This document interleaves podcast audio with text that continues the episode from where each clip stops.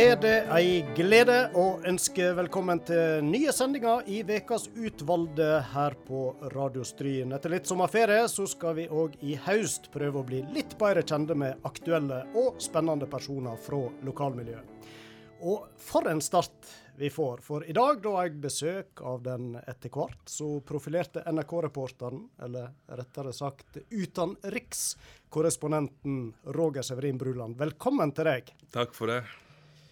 Ja, jeg vil tro mange har eh, hørt og sett deg rapportere først fra koronapandemiutbrudd i Italia og Europa ellers, og siste halvåret så er det ifra eh, Ukraina og krigen der. Men uh, nå har du tatt deg litt ferie på heimlegetrakter, og er det godt å senke skuldrene litt? Ja, absolutt. Det er det. Hvordan har sommeren vært så langt? Det har det vært mye regn, men uh, det er nå alltid ting å finne på. Så jeg har vært på Malakoff-festivalen og Utvikdagene. Og så har jeg jo dyrka litt eh, hobbyer. da. Jeg har med en eh, gjenstand her, så eh, jeg fikk med en Jan Espe i går oppe i Håndalen. Oi, spennende. Her har med seg en eh, Coop-pose og ja. Det her en, eh, ser ut som en sånn halv sylinder med hull i. Vet du hva det her er for noe? det, det ser jo ut som eh, noe som har vært nesten sånn eh, spade- eller auseform, er vel kanskje rettere å si. Altså, Men- Jeg vet ikke om jeg kan si det på Radio Strid, men eh, det var vel Birger Bela som starta kanalen her, så vi bare slår til likevel. det kaller vi ei eh, rustekuse. Nei, oi, for Og det blir brukt når du skal brygge konjøl oppi Håndalen. Så setter du det inne her inne i rusten, der du siler av eh, vørteren. da. Og så har du ei krane på hi side. Så blir det her som en slags filter. Ja, der er det Og- hull i. Litt sånn eh, auseforma eh, med Ja, masse så setter du den bare inn, på, inn, bare inn til kanten, og så eh, får du da filtrert igjennom vørteren da, når du bridger, Så da jeg var opp til han Jan Espe i går, så så jeg denne her, og den skulle han brenne, da, for at den er litt metteta, så jeg håper dere ikke får noen problemer her. Men eh, det her er jo eh, gull verdt. eh, For uh, hvis en driver med konjølbrygging, så må du ha ei rustekus.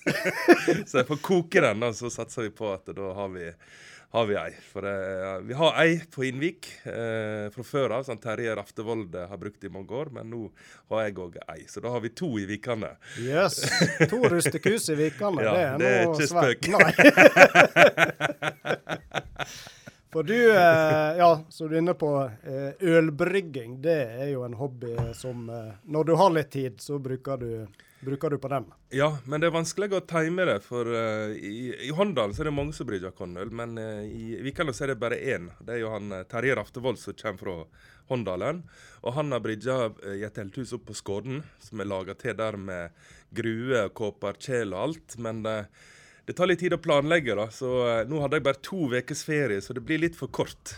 Og så er det jo vel midt i hundedagene òg, så da skal han jo helst ikke brydge. Så vi får ta det igjen til høsten. Men eh, det har iallfall vært litt rundt og fått, eh, fått tak i litt utstyr, da, i det minste. Og snakka med bryggere. Så det er nå nesten like kjekt. Ja. Så det. Og i tillegg da til å uh, ruste deg eh, for mer ølbrygging, uh, hva er en uh, god sommer for deg, eh, Roger?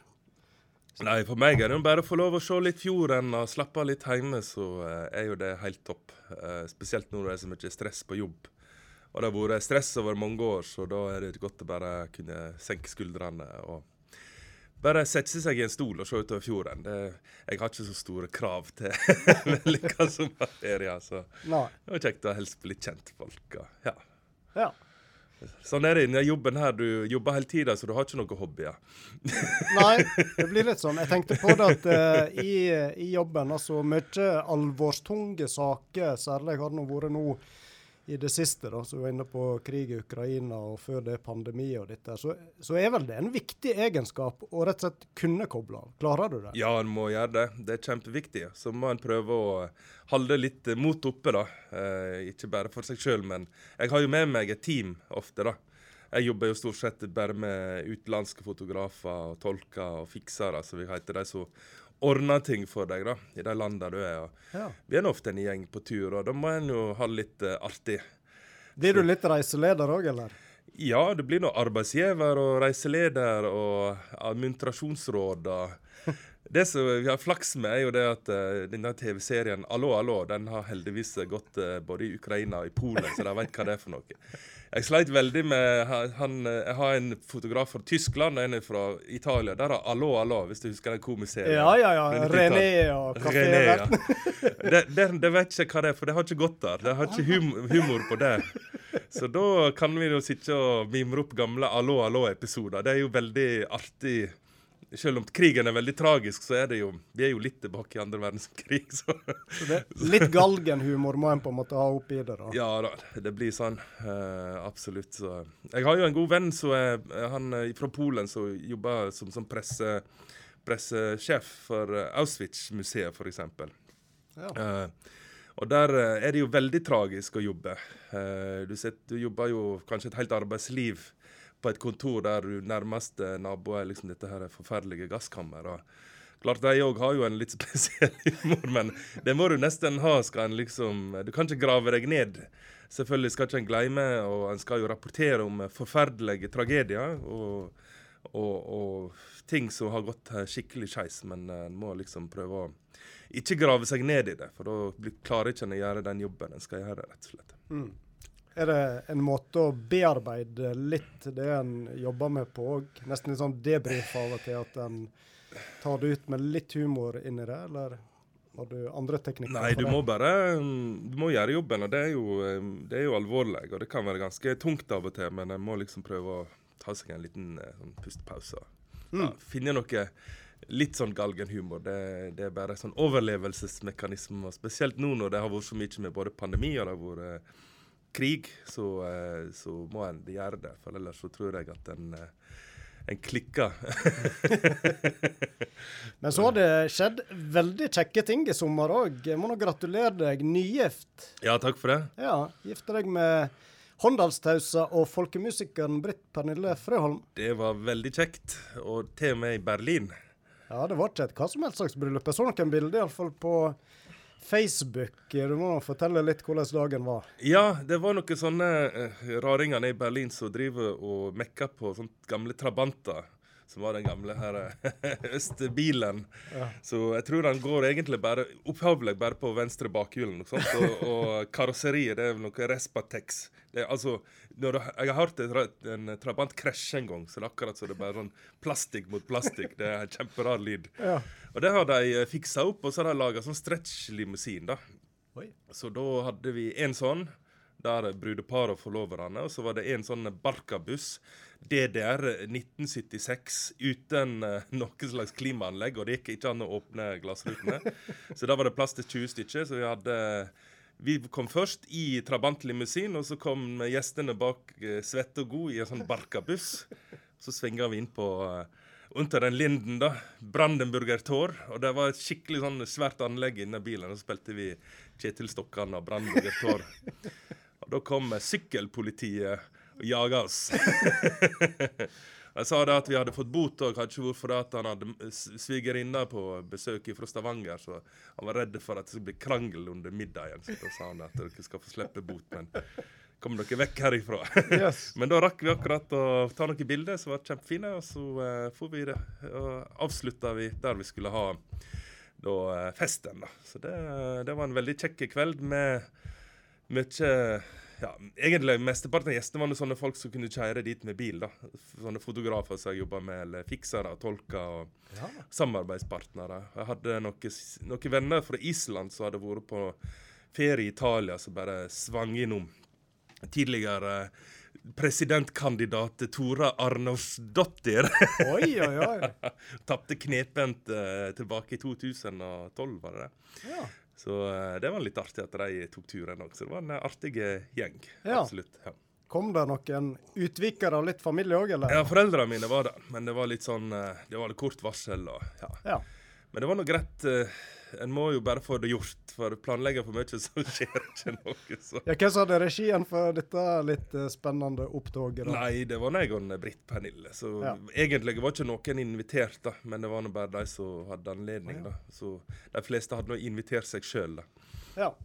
Så uh, da var det ikke noe sånn press eller krav om at Så får vi heller ha et etterpålag når vi flytter hjem igjen uh, ja, ja, ja. til neste år. Bryllupsreisa den ble til Utvik nå i sommer, den da? Um, nei, det var faktisk uh, Vi rakk en tur ned til Cremona.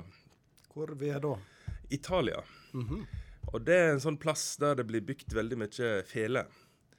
Altså kanskje den mest berømte felebidjar-byen i verden. Uh, via den annen mest berømte, som er Mittenwald uh, i Bayern. Men uh, det er jo Cremona, da. Og det er jo der Stradivarius-museet og Britt Pernille hadde lyst til en tur ned dit. da. Så det ble jo kjekke bryllupsreiser, bryllupsreise, det. Så var vi og hilste på han fotografen min i Verona, som ligger like i nærheten. Og det, Verona det er jo heimbyen til Romeo og Julie. Da. Så ja, det er jo ja. Hva sier han? Fotografen min er Nicola. The City of Love. ja. Så var det kjekt å hilse på han òg der. Da. Han var jo også med, med i bryllupet. Så, ja. så det ble en liten Italia-runde, da. Um, jeg har nå aldri reist eh, så mye til Italia før pandemien, da, men under pandemien så ble det mye Italia. Så jeg tykte jo egentlig det var veldig eh, kjekt der. og og spesielt når en begynner å bli litt kjente med folk, så er det ekstra kjekt å få besøke folk på heimebane. Se dem i sitt naturlige habitat. ja. det, det, er noe med det òg. Eh, men eh, vi var jo inne på det her i stad, en, en, krevende jobb. Og vi må jo snakke litt om eh, eh krigen i Ukraina. Og, og, og, hvordan er det å bli på en måte kasta inn i noe sånt? Eh, jeg tenker blir du redd som reporter, eller føler du rammene er forholdsvis trygge, så trygge de kan bli i en sånn setting? Nei, det er, jo, det er, jo, en veldig farlig jobb, og det er en veldig farlig krig. For at uh, det er ikke en sånn krig der uh, de vestlige landene har luftherredømme. Så kan dette ned i hodet på deg en rakett når som helst. Og de første dagene var jo veldig uoversiktlige, for en visste jo ikke hvor mye En hadde jo Kiev eh, russiske spesialstyrker som lå som sånn stay behind i leilighet, ikke sant. Så det var jo sånn spesial Nesten som en sånn spionthriller der du hadde sånne spesialstyrker som sloss mot hverandre inni gatene i Kiev. da. Ja. Eh, nå var jeg heldigvis ikke i Kiev akkurat de første dagene, men i Lviv i vest så så du konturene av at noe lignende der kunne skjedd. Eh, og vi har vel eh, gode indikasjoner på at de sender inn eh, sånne eh, fallskjermsoldater. da, Sluppet inn her og der. Det har ikke vært helt bekrefta, men bare for å teste, da. Kanskje kan se om vi sender 100 soldater her, kanskje vi klarer å lage noe faenskap. Eh, så klart at eh, det er litt skummelt når det er moderne krig og det er så uoversiktlig, og du har ikke veldig lite informasjon om hva som er liksom Hvordan dette her kommer til å gå, da. Mm. Eh, så, eh, og så var det jo veldig krevende for meg logistisk òg, for jeg eh, Igjen, da, han Nicolas som jeg jobber med fra, fra Verona, han eh, skulle jo være med meg. Eh, så jeg skulle Opphavlig skulle vi ta en Wizz til Kiev, så gikk jo ikke det, for det var jo på den dagen da krigen starta. Så det måtte bare hive meg i bilen og så kjøre til Warszawa. Så skulle jeg ta fly fra Verona til Warszawa, så skulle vi kjøre inn i Ukraina i lag. da. Så Halvveis på vei til Warszawa så ringer han og sier bestefaren er død. Uh, han hadde hatt noe kreft og covid og sånn, og det hadde jo vært mange uker fram og tilbake om han uh, Men det var akkurat den dagen som døde bestefaren, så da sa han nå kan ikke jeg være med deg. Og Da var det mye fram og tilbake og så renne rundt og prøve å få tak i en uh, annen fotograf. For jeg måtte ha med meg en til. Det, det, er jo reglene i NRK at vi skal ikke reise inn i krigssona alene. da. Mm. Så uh, hadde en uh, polakk som ville være med meg, og så ringte han ombestemt seg. Det er jo ofte sånn da når det er litt uh, farlig. at en sier ja, og så får en tenkt seg om. Og så nei, dette her har ikke jeg lyst til å være med på. Mm.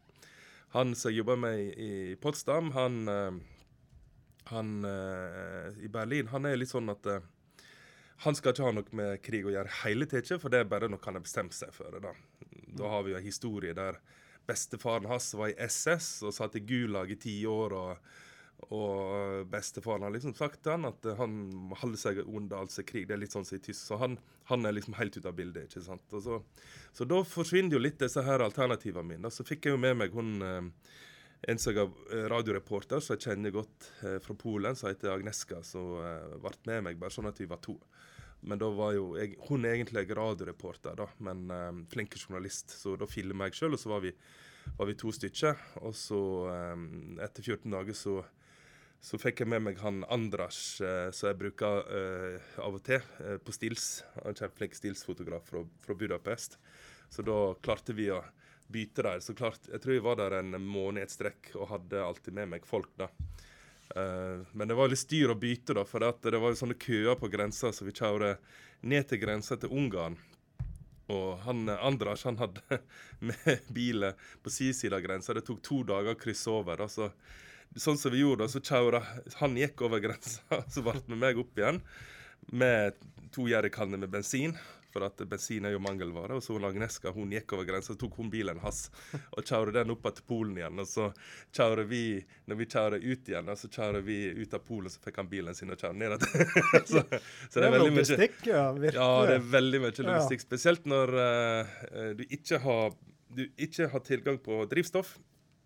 Uh, og at det tar år og dag å krysse ei grense, så er det, er det, litt sånn vanskelig, da. Når folk uh, ikke kan, kan, være med deg mer. altså, Så må prøve å planlegge godt, da. Men der var, var ikke råd å planlegge, for det skjedde jo så bardus. Så da blir det veldig sånn puslespill, da.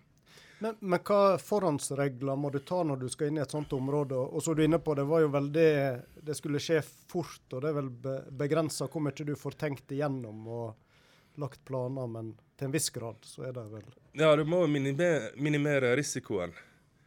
Uh, vanligvis da, så uh, når vi er inne og dekker et eller annet, så, eller si eh, et opptøyer eller sånt, så er det jo inn.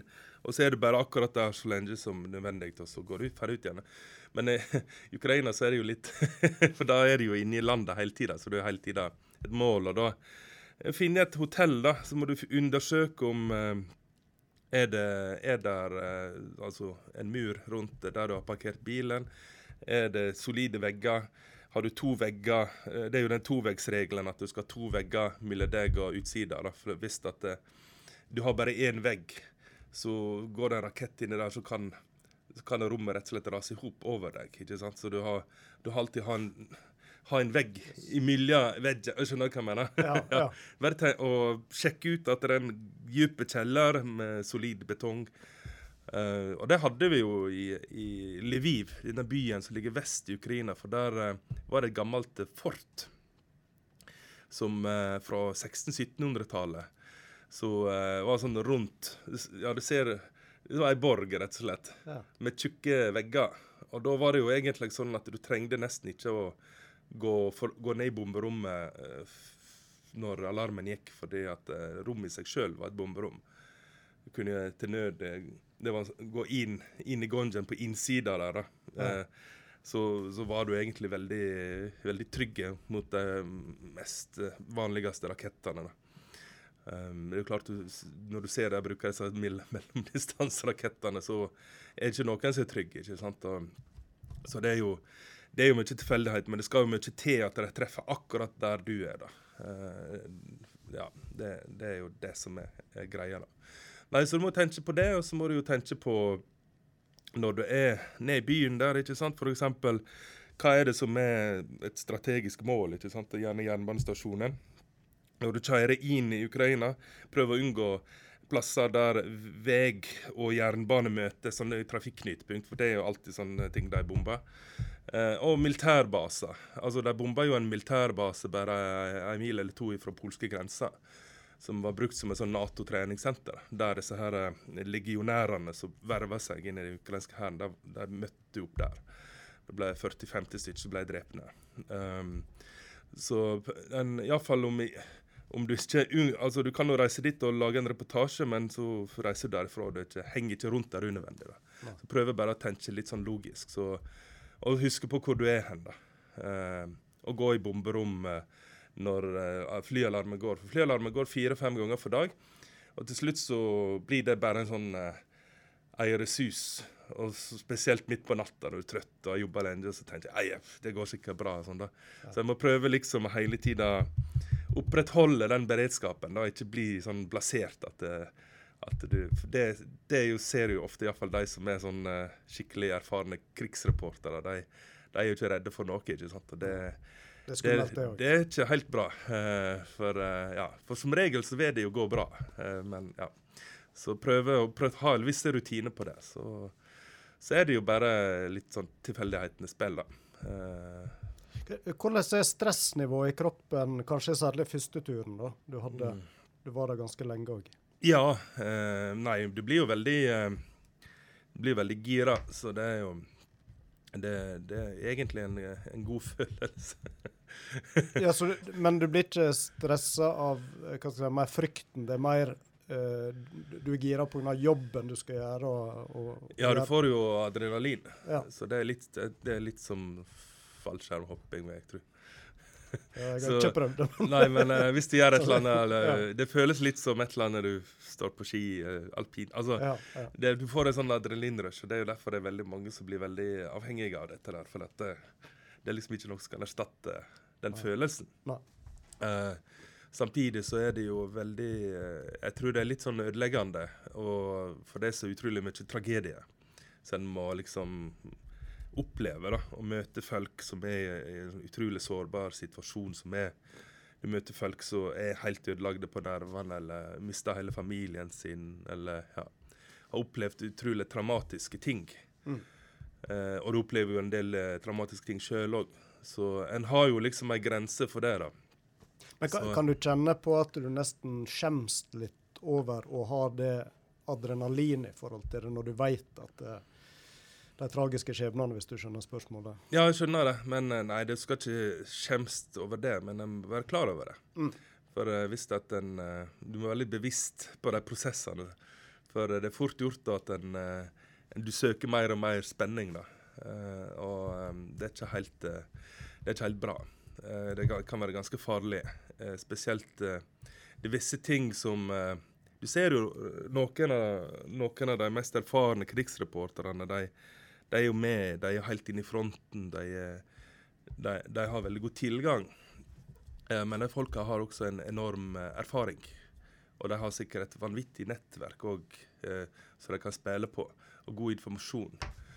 Um, så spesielt uh, korrespondenten til, til BBC var jo helt fantastisk. da. Men uh, det krever en viss erfaring. da, så så vi som er litt sånn egentlig litt sånn glade amatører når det gjelder det å dekke krig, uh, vi, vi må være litt mer sånn tilbakeholdne og prøve bare å ikke bli dratt med på, på ting, da. Og prøve å tenke ansvarlig, da. Ja. Men, men hvor mye spil, spiller dere på hverandre som journalister fra ulike medier? Er det noen form for samarbeid, og er det noe fellesskap? Går det an å si det når en Nei, det blir ikke tida til det. Eh, ofte så er det jo litt sånn at eh, vi nordiske ofte ha, gjør, kan gjøre ting i lag. Uh, men akkurat når det gjelder den krigen her, så har ikke jeg, har ikke jeg hatt noe samarbeid med noen andre. Men hun eh, Agneska, hun, eh, når hun ikke jobber for meg, så jobber hun for Fox News. Og et par sånne amerikanske eh, nyhetskanaler. da. Mm. Så det er jo alltid litt artig å høre hva de andre gjør. Ja. det er ulike metodikker og tilnærminger. Ja, men eh, nei, det er rart med det. det blir, du blir konkurrenter da, på et vis. Og selvfølgelig så møtes vi og snakkes med han, eh, New York Times og disse her uh, matsalen hvis vi er på samme hotell. Det er jo naturlig. Ja. Men, eh, men nei da, vi, vi holder på med vårt. Eh, og for meg har det vært veldig viktig å ha mitt, eh, mitt opplegg, da, som jeg er komfortabel med. Slik at eh, eh, alle kommer seg hjem igjen like, like hele. Du kjenner på ansvar som uh, for teamet du var inne på. Ja, en må jo det. Uh, Du er jo arbeidsgiver, og um, det er jo eh, Ja, en må Ja, det er noe Det er ikke noe sak, det er ikke noe reportasje i verden det er verdt å risikere livet for, da. Så eh, det er best å være mest, mest forsiktig og prøve å eh, gjøre sånn. Selvfølgelig skal vi lage spennende reportasjer, men samtidig så skal vi ha alle hjem igjen òg, da. Vi skal snakke mer om eh, korrespondentjobben og ikke minst veien dit. eh, men eh, vi må spille litt musikk òg, Roger. Og da fikk du komme med noen ønsker. Og første jeg har notert meg, det er Brulandsvalsen. Og det passer jo perfekt nå. Kan du si litt om bakgrunnen for den? Det var jo Anders Viken fra Jølster som komponerte den. Ja. Og dedikert til Bruland, grenda der jeg kommer fra, i Utvik. Så det er jo litt uh, uflaks for Britt Pernille, da, for det at dette her er visst den uh, vanskeligste og lengste slåtten som noensinne har vært komponert. Så når hun kommer på Bruland, så er det jo bare én ting de vil høre. så der hadde hun vært litt uheldig, da. Men ja. uh, hun spiller veldig fint, da. Ja. Og det gjør jo han Osa òg. ja. Det er han Sigbjørn Bernhoft Osa som skal framføre Brulandsvalsen.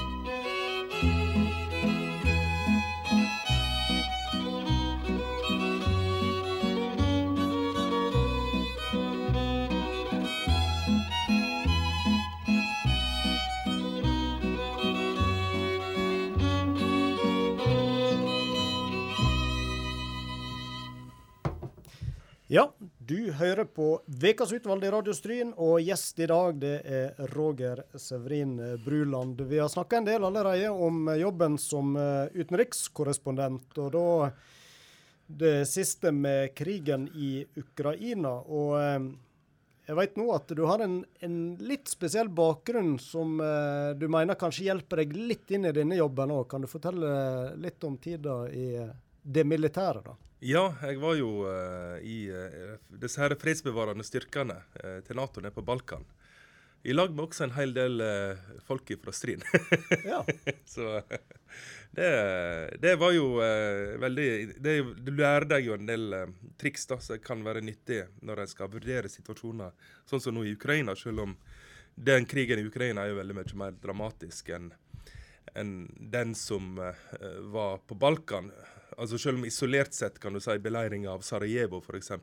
var jo dramatisk, men det var én by. Eh, Vukovar ble jevna i jorda, men det var én by. altså I eh, Ukraina så snakker vi om 400-500 km lang front. og by etter by som blir eh, lagt i grus av artilleri. Så det er jo mye større omfang, rett og slett. Mm.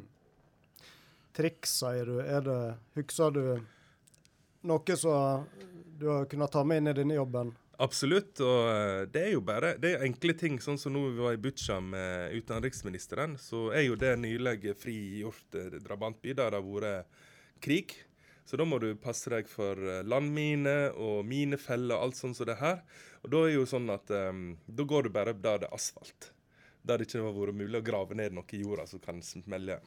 Eh, sånne enkle, enkle ting. Eh, vi var jo ute på grensa til Russland òg, oppe i Sumi-provinsen. og Sto inn på et sykehus og intervjua en doktor, og her var det et forferdelig smell eh, rett ved sida av. Og Det var jo en gravemaskin som drev og så rydda opp eh, i en eh, sånn sammenrasa bygning, og så hadde kjørt på ei stridsvognsmine. da. Det smeller jo som bare juling. Det var ikke noen som kom til skade, da, heldigvis, men eh, de påstår jo at det vil jo ta bare rundt Kiev der ti år å rydde opp eh, alle minene som er lagt ut. Så ser en hvor fort det går an å ødelegge noe, og hvor lang tid det tar å reparere. Sånn, sånn er det. Men Roger, jeg har lyst til å høre litt om hva skal vi si da, veien fra vesle Utvik til eh, store Berlin. Og hvis jeg har skjønt det rett, så eh, hadde du ei journalistspire allerede i guttedagene og, og, og ga ut i ei avis. Stemmer det, eller? Ja, Utvik-posten, ja. ja. To årganger. det. Og vi eh, var jo her inne på Fjordingene sine lokaler og framkalte bilder en gang. Jeg, jeg brukte jo å framkalle dem sjøl òg, jeg hadde egen fotolab. da, Men det var en gang hvor Gunhild Sindre hjalp meg, for jeg hadde dårlig tid. da. Så uh, kopierte vi opp uh, på Ålen skole. da, Betalte for kopiene der. Så solgte vi på ymse tilstelninger i Utvik. da. Så det var jo ei avis som nå finner i arkivene til NRK på NRK skole. Hvordan lage skoleavis. Det ble, et skoleeksempel, bokstavelig talt. ja, vi var jo Heia Norge eh, som innslag, så Å, det ja. var litt artig. da. Ja. Hvor gammel var du da? Nei, tolv? Ja. Det var 1989. Ja. Yes. Så allerede der så eh, var interessen for nyheter og samfunnet. Jeg var redaktør, så jeg fikk andre til å skrive for meg. Så du hadde bare- flere i redaksjonen? Jeg bare la Siana kjenne. Å ja.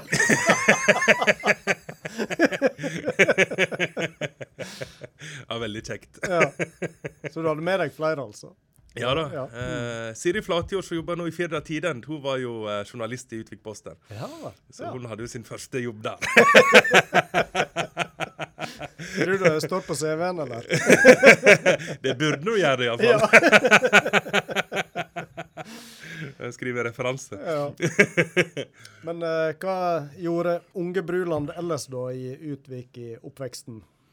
Ja, si det så lenge du at jeg har glemt det. Ja. Nei, vi gjorde nå det som alle andre gjorde. Vi får nå rundt og lage, lage styr. Ja. Vi var nå en uh, vennegjeng der, så vi hadde mye kjekt. da. ja. Turer på Steilen og ja, forskjellige hobbyer og prosjekt. Så det var veldig koselig. Skole. Vi hadde jo sånn uh, todelt skole i, i Utvik, så Mm. det var fem stykker i klassen. da. Det var første og andre klasse, og så var det uh, vel ti stykker fra tredje til sjette. Så ja, ganske sammen, uh, sammenknytta gjeng, da. Så ja. Fyrte med ved eh, inn på klasserommet, husker jeg. og Skolebøkene fra, fra 60-tallet. og Måtte lese et lite en liten, en liten salme før vi starta opp for dagen. og Ja, det var koselig. Høres ut som en skolegang jeg hadde på fjellet, dette der. Ja, det, det var vel mye likt. Akkurat samme. Akkurat samme. ja. Men um, to foreldre som Ja, begge er lærere. Var, var det en retning du så for deg òg, eller kan du Ja. huske hva du tenkte om det? Nei, altså jeg hadde jo bestemt meg for at jeg skulle gå på universitetet og studere. da. Så er spørsmålet er jo hva, hva kan du gjøre ut av det. Og lærer er jo ganske er vel det som er letteste veien. da. Eh, å komme seg inn, f.eks. lektor på et gymnas, f.eks. Ja, det har har ikke sett på som sånn usannsynlig, da. For- du er ikke journalistutdanna, men du har tatt ei ganske sånn eh, mangslungen utdanning både inn- og utland, eh, sånn som jeg forsto det. Ja, eh, jeg studerte jo eh, i Bergen eh, historie. Så reiste jeg til Aberdeen, studerte sikkerhetspolitikk. Og så studerte jeg statsvitenskap i, på det amerikanske universitetet i Kairo. Ja. Eh, men eh, jeg jobba litt på noen ambassader da, som sånn ubetalt assistent i, i Makedonia, altså i Romania. Ja. Og det jo, du gjør jo det for at du har et lite håp om at du kanskje klarer å få en fot innom uh, innom der, da. Men um, jeg hadde litt uflaks, så det ble ikke det ble ikke noen napp der da på UD. Uh, jeg var jo også inne i det her aspirantopptaket òg, men jeg hadde ikke noe flaks der heller. da. Så eh, ja, det var jo en periode. Jeg flytta hjem igjen og jobba på eh, Olden fjordhotell, altså nattevakt. Ja vel. Så eh, det er 15 år siden. Når jeg kom igjen fra Romania, da, på ambassaden, og så eh, gikk jeg nå hjemme og sulja, da. Så moderen eh, sendte meg av gårde med bussen ned til Oslo. Jeg måtte finne meg noe mer vettig. Så, så da jobba jeg eh, litt i uh, UDI som sånn eh, sekretær. Og så eh, var jeg så heldig at jeg kom inn på det her Nynorsk mediesenter i Førde. Ja. Og uh, gikk der uh, Ja, når var det, da? Var det i 2008? Våren. Det er to måneder da, med sånn eh, journalistutdanning, og så er det to måneder praksis, og så skal de sende deg ut på sånn eh, eh, praksis i en redaksjon. Da hadde vel egentlig jeg, jeg kunne søkt Ålesund, for jeg hadde, hadde også slekt der oppe. da, Så jeg kunne godt tenkt meg å jobbe der, da. Men uh, da hadde hun Magne Øvrebotn, da, som sånn, var sånn general for det opplegget der, og funnet ut at siden jeg hadde vært så mye i utlandet, så, så skulle jeg eh, jobbe i utenriksavdelinga, da, som sånn, uh, ja, som sånn praktikant. da. Så jeg begynte jo der uh, Ja, det var vel i mai. Og det er jo det er ikke noen som overlever det. det, er, jo- det er Norges mest brutale redaksjon. Eh, og du bør egentlig ha gått gradene i først lokalavis og lokal for å være, for å være på topp. Eh, og jeg var jo ganske dårlig i starten. Jeg hadde veldig dårlig eh, sånn stemme. Der jeg høres, høres dårlig ut. Og jeg skrev dårlig og skjønte ikke det der med å lage fjernsyn og radio. Så, så det var ganske brutalt. Eh, da. Så jeg hadde jo sikkert sparken ei sju-åtte ganger. Eller ja, som sånn, så jeg, og jeg var jo tilkallingsvikar uh, iallfall i fem år, om ikke mer. Uh, men det er jo et eller annet med det at du jobber jo med de beste journalistene i Norge, da. Og jeg fikk jo jobbe med alle disse her uh, heltene mine. Hans-Wilhelm Steinfeld og Odd Karsten Tveit og Håkon Børde og ja, Arnt Stefansen og, og mange av disse her store 80-tallsheltene. da. Men, men kanskje ikke pedagoger.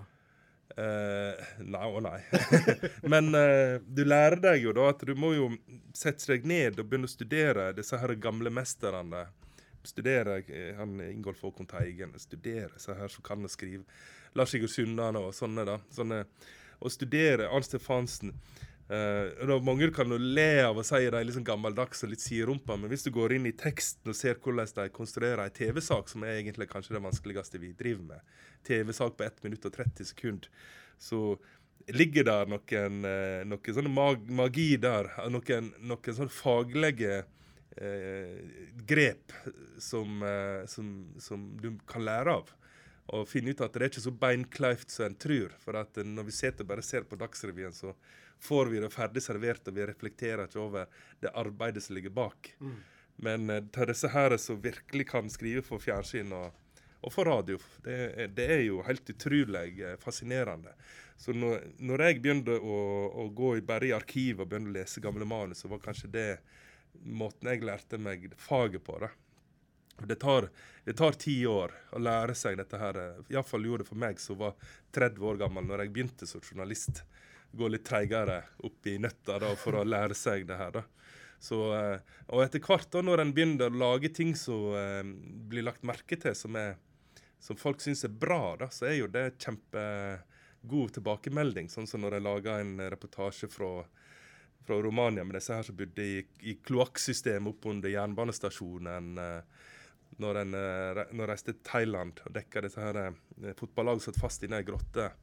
Du klarer å lage ting som griper folk. At de skriver og ringer og sier ja, dette her eh, rørte meg, da. Eh, da var det verdt alle disse her ti åra med, å være sånn perilegutt i, i utenriks. da. Altså det, du, må bare, du må bare ta det, liksom. Og da får du den motstanden du skal til for å bli god, da. Så jeg føler nå så begynner jeg å bli sånn tålelig bra på, på TV og radio. Strekte de seg så langt de ga litt skryt, disse gamle mesterne òg, eller? Ja, det tror jeg satt langt inne. Men du vet at du lager ikke journalistikk for andre journalister, du lager journalistikk for publikum. Hvis jeg skal få lov å være litt, mm. litt belærende her, da.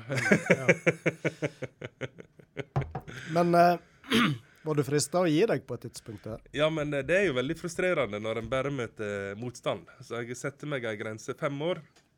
Hvis jeg ikke har kommet noen vei fem, fem år, så, så gir jeg meg. og så ti år! Da skal jeg iallfall Da gir jeg opp. men eh, nei, det var jo veldig uh, tilfeldig, da. For jeg hadde, var egentlig slutta og ute i permisjon i 2019. Jeg fikk den jobben i, i Berlin. Da mm. Da hadde jeg egentlig tenkt å gi meg. Så det var bare tilfeldighet at uh, hadde ikke jeg hatt den jobben i Berlin, så hadde, jeg, uh, hadde jeg kanskje bare funnet meg noe annet å gjøre. Mm. På, kanskje på et litt annet nivå um, innen journalistikken, tipper jeg. Men er du ambisiøs, vil du si? Det kommer litt an på. Uh, det er veldig kjekt når en konkurrerer med andre nyhetsbyråer om samme nyheter. Så selv om jeg prøver å påstå at jeg ikke er det, så det er Min forse er at jeg er, jeg er veldig lynkjapp. Og jeg klarer alltid å få ting over. For det handler jo om å få bildet over og få over ting. da. Mm. Være først. Eh, så er jo problemet det at eh, ofte så kan en Jeg slo jo CNN med sju-åtte timer i Thailand. Eh, det var en sånn bilulykke der en person eh, ble veldig, hardt hardt av disse hjelpearbeiderne. Og da var det litt sånn at eh, det, det, har ikke skjedd før CNN har meldt det. så du må, du må, ikke være for, uh, for tidlig ute heller. Gjerne fem minutter, det går bra, men uh, fem timer det er for mye. Det var ja, men det er jo litt interessant. da. Altså, vi som NRK vi er jo kjempestore i Norge, men vi er jo bitte små i utlandet. Ja. Så vi blir jo kanskje ikke så lagt merke til. det. Så det er jo hele tida det lage, Det er jo artig å lage ting som blir lagt merke til internasjonalt. Så det er jo alltid også litt, eh, litt kjekt hvis en lykkes med det. Men det er veldig krevende, da. Men mm. uh, alltid veldig kjekt. Ja, Har du eksempel på det? At det har blitt lagt merke til ute i den store verden? Ja, jeg kommer ikke på noe i farten. Ja, det var jo da vi var i Thailand, for da, da, klart, da var det et eller annet med at de hadde et helt opplegg for å komme seg inn til dette, eh, de som drev med å pumpe ut vann ut av grotta. Og så drev de og, og styrte disse elvene under grotta. De hadde heil, inn i en jungel. da. Men der var det jo sånn at eh, det var stengt for prestene. Men CBS hadde fått tilgang, og de skulle inn, og så måtte de trekke seg, for det var et eller annet som hadde skjedd. Og jeg satt jo egentlig på samme restaurant og bare åt noen sånn uh, nudler og hørte på samtalen. da. Så jeg var sånn, pikka han fotografen til CBS bare ut. Ja, men uh, vi er jo NRK. Vi, uh, vi hører til Eurovisjon, så vi dekker jo egentlig hele Europa. Så vi kan jo ta over denne businessen, og så kan vi få det. Så vi kom oss inn der, da. Det var jo litt artig, for da da var det jo liksom siste demninga sånn, før sist eh, liksom eh, hadde kommet seg ut av grotta og, og, det her. Og så var det liksom Feira vi, da. Feiring, Den store feiringa var jo der. I jungelen. Eh, I jungelen, på en sånn brannstasjon. Og eh, hvis du så ABC News da, borti USA, som er, er, jo ganske store, de hadde jo en sånn video på Instagram der eh, de jubla, da, disse hjelpearbeiderne. Jeg sto jo midt i den mølja og jubla med NRK-mikrofon. da. Det er jo litt kult, da. Ja, det er jo kult. Eller nå når Olaf eh, Scholz ble valgt kansler i Tyskland, så klarte jeg å lure inn eh, en mikrofon om ikke annet. da. Eh, på det mest ikoniske bildet som blir brukt opp igjen, opp igjen, opp igjen. Ja. I uh, reklame, alt sånt. Og Så ser du du NRK-mikrofonen. har du tatt det ut som poster og fått det på veggen, eller? det har jeg. Du har det?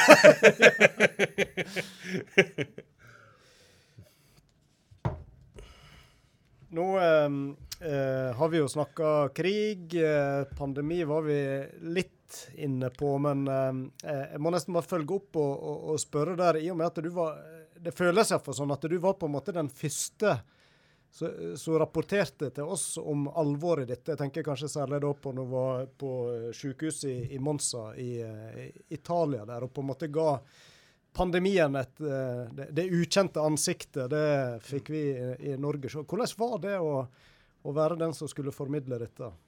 Ja, det handler jo, Alt handler jo om å, å komme seg inn på et sykehus og rapportere og lage reportasje. Det hadde en enorm effekt. Men uh, det var jo et mareritt å komme seg ned til Italia. Kjøre fra München, og der er ikke en eneste bensinstasjon åpen, og du er den eneste på på veien. Det er jo litt skremmende opplevelse. altså, du, du, er helt alene på motorveien i Italia, liksom. Og Så kommer jeg ned dit, og så var det han Nicolai igjen da, fra Verona. så Da hadde jeg aldri møtt henne før. Så vi møttes der nede. Og det var jo litt så artig, for at vi skulle ikke smitte hverandre heller. Så vi, vi tok ikke hverandre i handa engang. Vi sto liksom på meters avstand og sa hei. Og tenkte vi skal vi gå inn her, da? så vi kledde oss opp i sånn månedrakt. Og så gikk vi inn, og så kom vi inn på det her direktørmøtet på sykehuset der, og så sto de en slags idioter som kommer her. Vi så ikke ut. Og vi var der året etterpå, de snakket jo om det fortsatt. Det er en slags tulling. Men vi hadde jo ikke anelse. Vi hadde jo bare hørt om at uh, sykehus måtte stenge ned i Italia, for det var smitte overalt, og de mista kontrollen. Så klart at uh, det kunne vært motsatt, at vi gikk inn i et eller annet som vi ikke skulle, og vi visste jo ikke hvor farlig dette var. Men det er et eller annet med å bare komme inn på en sånn intensivavdeling i Italia. Og du ser liksom 100 pasienter i respirator mm. i egentlig ett rom. Det, det setter en liten støkk. Så jeg tenkte for min sin del så var det utrolig viktig bare å formidle alvoret i situasjonen. For, for sjøl selv i Tyskland så, så hadde en ikke kjent alvoret. Det er rett og slett fordi at uh, da hadde ikke sett disse eh, fulle Altså, du Når helsevesenet bryter sammen, og det er liksom 100 militærkjøretøy med likkiste som kjører gjennom byen og sånn, så, så, går det liksom alvor opp for deg, da. Men uh, i nabolandet så så bryr ikke en seg, for det, dette angår ikke meg. Men når det gjelder virus, og, og Europa er ikke så stor, så, så, var det jo veldig viktig å formidle at dette her kunne føre til store problemer i Norge, der en kanskje ikke har så mye ekstra kapasitet på intensivsenga f.eks. Hva, mm. hva gjør du da? Mm. Så, uh, jeg vet ikke om vi skal kalle det en game changer, men det var iallfall noe som jeg husker sjøl virkelig gjorde at du, det seig, alvoret seig litt inn. Og det tror jeg gjaldt for mange. Du begynte på en måte å skjønne. Ja, men det er bra at mm. uh, det gjorde det. Så, uh, så, da får jeg bare være fornøyd med det. ja, ja. det. For det var det som var målet, da. Så, men det er, jo, det er, jo, ikke alltid at en lykkes. Men gjorde jo det i det tilfellet der, og det tror jeg var ganske viktig. Mm. Tida holder jo på å renne ifra oss her, men vi, vi må rekke litt uh, Du hadde noen artige musikkønsker òg, Roger, så vi, vi, skal, vi, får tid til en liten bolk til, og så smetter vi inn litt musikk imellom. og da skal vi da er det Ramstein. Dette er en litt uh, annen type enn det vi hørte i stad her. Du er en stor Ramstein-fan, har jeg forstått? Jeg har vært på to konserter i år. Jeg var i, på Olympiastadion, så jeg har vært i Warszawa. Ikke på Bjerke? Eh, nei, eh, jeg jo, bor jo ikke i Norge. Nei, nei. Men uh, jeg har vært stor fans i, i mange år. Ja. Og det her er jo et punkband som uh, kommer fra Øst-Berlin. Ja. Så det, her, det, å være punker i, i Berlin, det, det, er stor greie. Men det å være punker fra Øst-Berlin, det er de som har ordentlig respekt for de uh, var du punker i Øst-Berlin, så hadde du liksom eh, sagt fra deg karriere og alt, for da var du en fiende av staten. Så da var det bare så vidt at de ga deg arbeid. Så det er liksom de, de ekte punkerne. Og det starta ut som et punkband. Og, og, nå er det jo egentlig litt humor, den stilen deres med så harde riffa. Det her, for de gjør litt narr av en del tyske ting. Litt eh, historien til Tyskland og, og litt eh, den tyske kulturen. Og det var en som sa til meg det at eh, Ramstein er et slags eh, sånn antiband, for de gjør bare det de ikke får lov til. Sånn som pyroshow i Tyskland, det er jo fy-fy. For Der kan det bli brann, og det er alltid en vaktmester. Men det, det gjør de bare fordi de ikke får lov til det. Og de har de største pyroshowene i hele verden.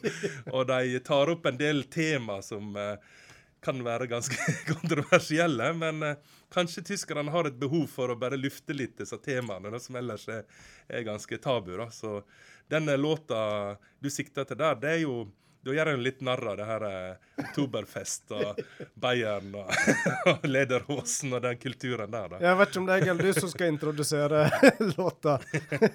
Dikke titten, rett og slett. Store pupper. Ja. Og da er det vel teksten sånn at jeg, det er ikke så viktig om hun er klok eller om hun er vakker, så lenge hun bare har store pupper. Vi hører på den. det blir helt Birger Mæland, dette.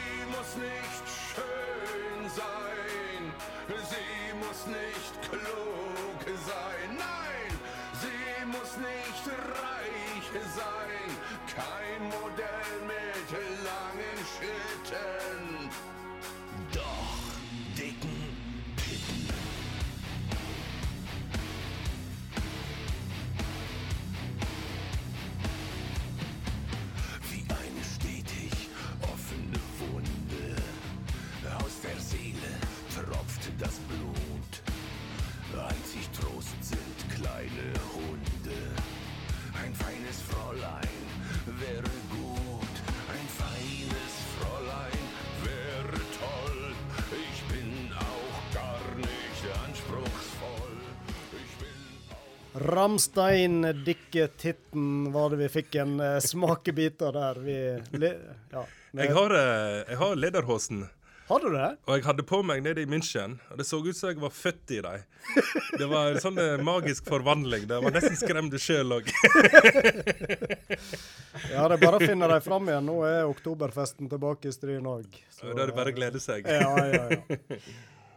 Vi har noen eh, få minutter igjen, eh, Roger. Hatt en veldig interessant og trivelig prat her. eh, Sånn avrundingsvis. Så vi har liksom ikke fått prata så mye om Berlin. Og jeg er litt sånn nysgjerrig på hvordan er det å, å ha den jobben og bo der.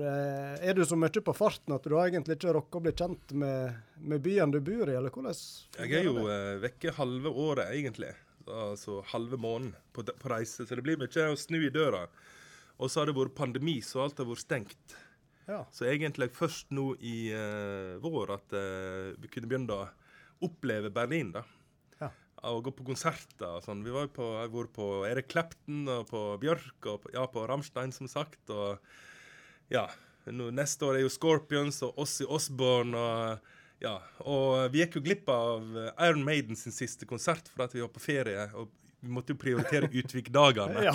men eh, men eh, det er veldig kjekt, og eh, det er jo en fantastisk by der en kan virkelig gjøre alt mulig rart. Så, men sånn er det med denne jobben at du bor i Berlin, men eh, du, du er egentlig på jobb hele tida, så skulle gjerne gjort det mye, mye mer. Så kanskje jeg får ta meg en eh, ferie etter liksom få, få sett alt. Ja. Og så er du jo, som vi sa, gift med hun eh, Britt Pernille Frøholm, musiker. vet du, hun òg er mye på reise i, i sin jobb. Så Ja, absolutt. Og, vi å eh, møtes til leiligheter i helgene ditt da, av og til, eller? Nei da, men eh, nå når det har vært pandemi, så har det ikke vært så mye på hund. Så vi har nå vært mye i leiligheter da, Ja. og i karantene, da. Men det er jo ikke like kjekt. så det, nei, så det har vært mye, mye på farten. Det er det. Men eh, en er iallfall fleksibel da, på et vis. Så, ja. Men det har vært mye på kryss og tvers. Jeg tror jeg regna på det at jeg har kjørt distansen Cape Town-Vladivostok i 2020 med bil i Europa. Og da er det sånn at da begynner det å gå litt i surr. Altså. Da er det Berlin, Praha, Krakow, Warszawa. Så er det Berlin, Praha, Wien. Så er det Innsbruck, Ischgl. Så er det Salzburg, München. Og så oi, nei, nå skal vi ned til Venezia. Så skal vi å, vi en tur til Ljubljana, ned til Beograd. Og så er det opp igjen til Berlin. Altså, en blir det tullerusk. Men heldigvis er det ikke så lange distanser, da, sånn som i Norge. Så du, på seks timer kommer en seg langt.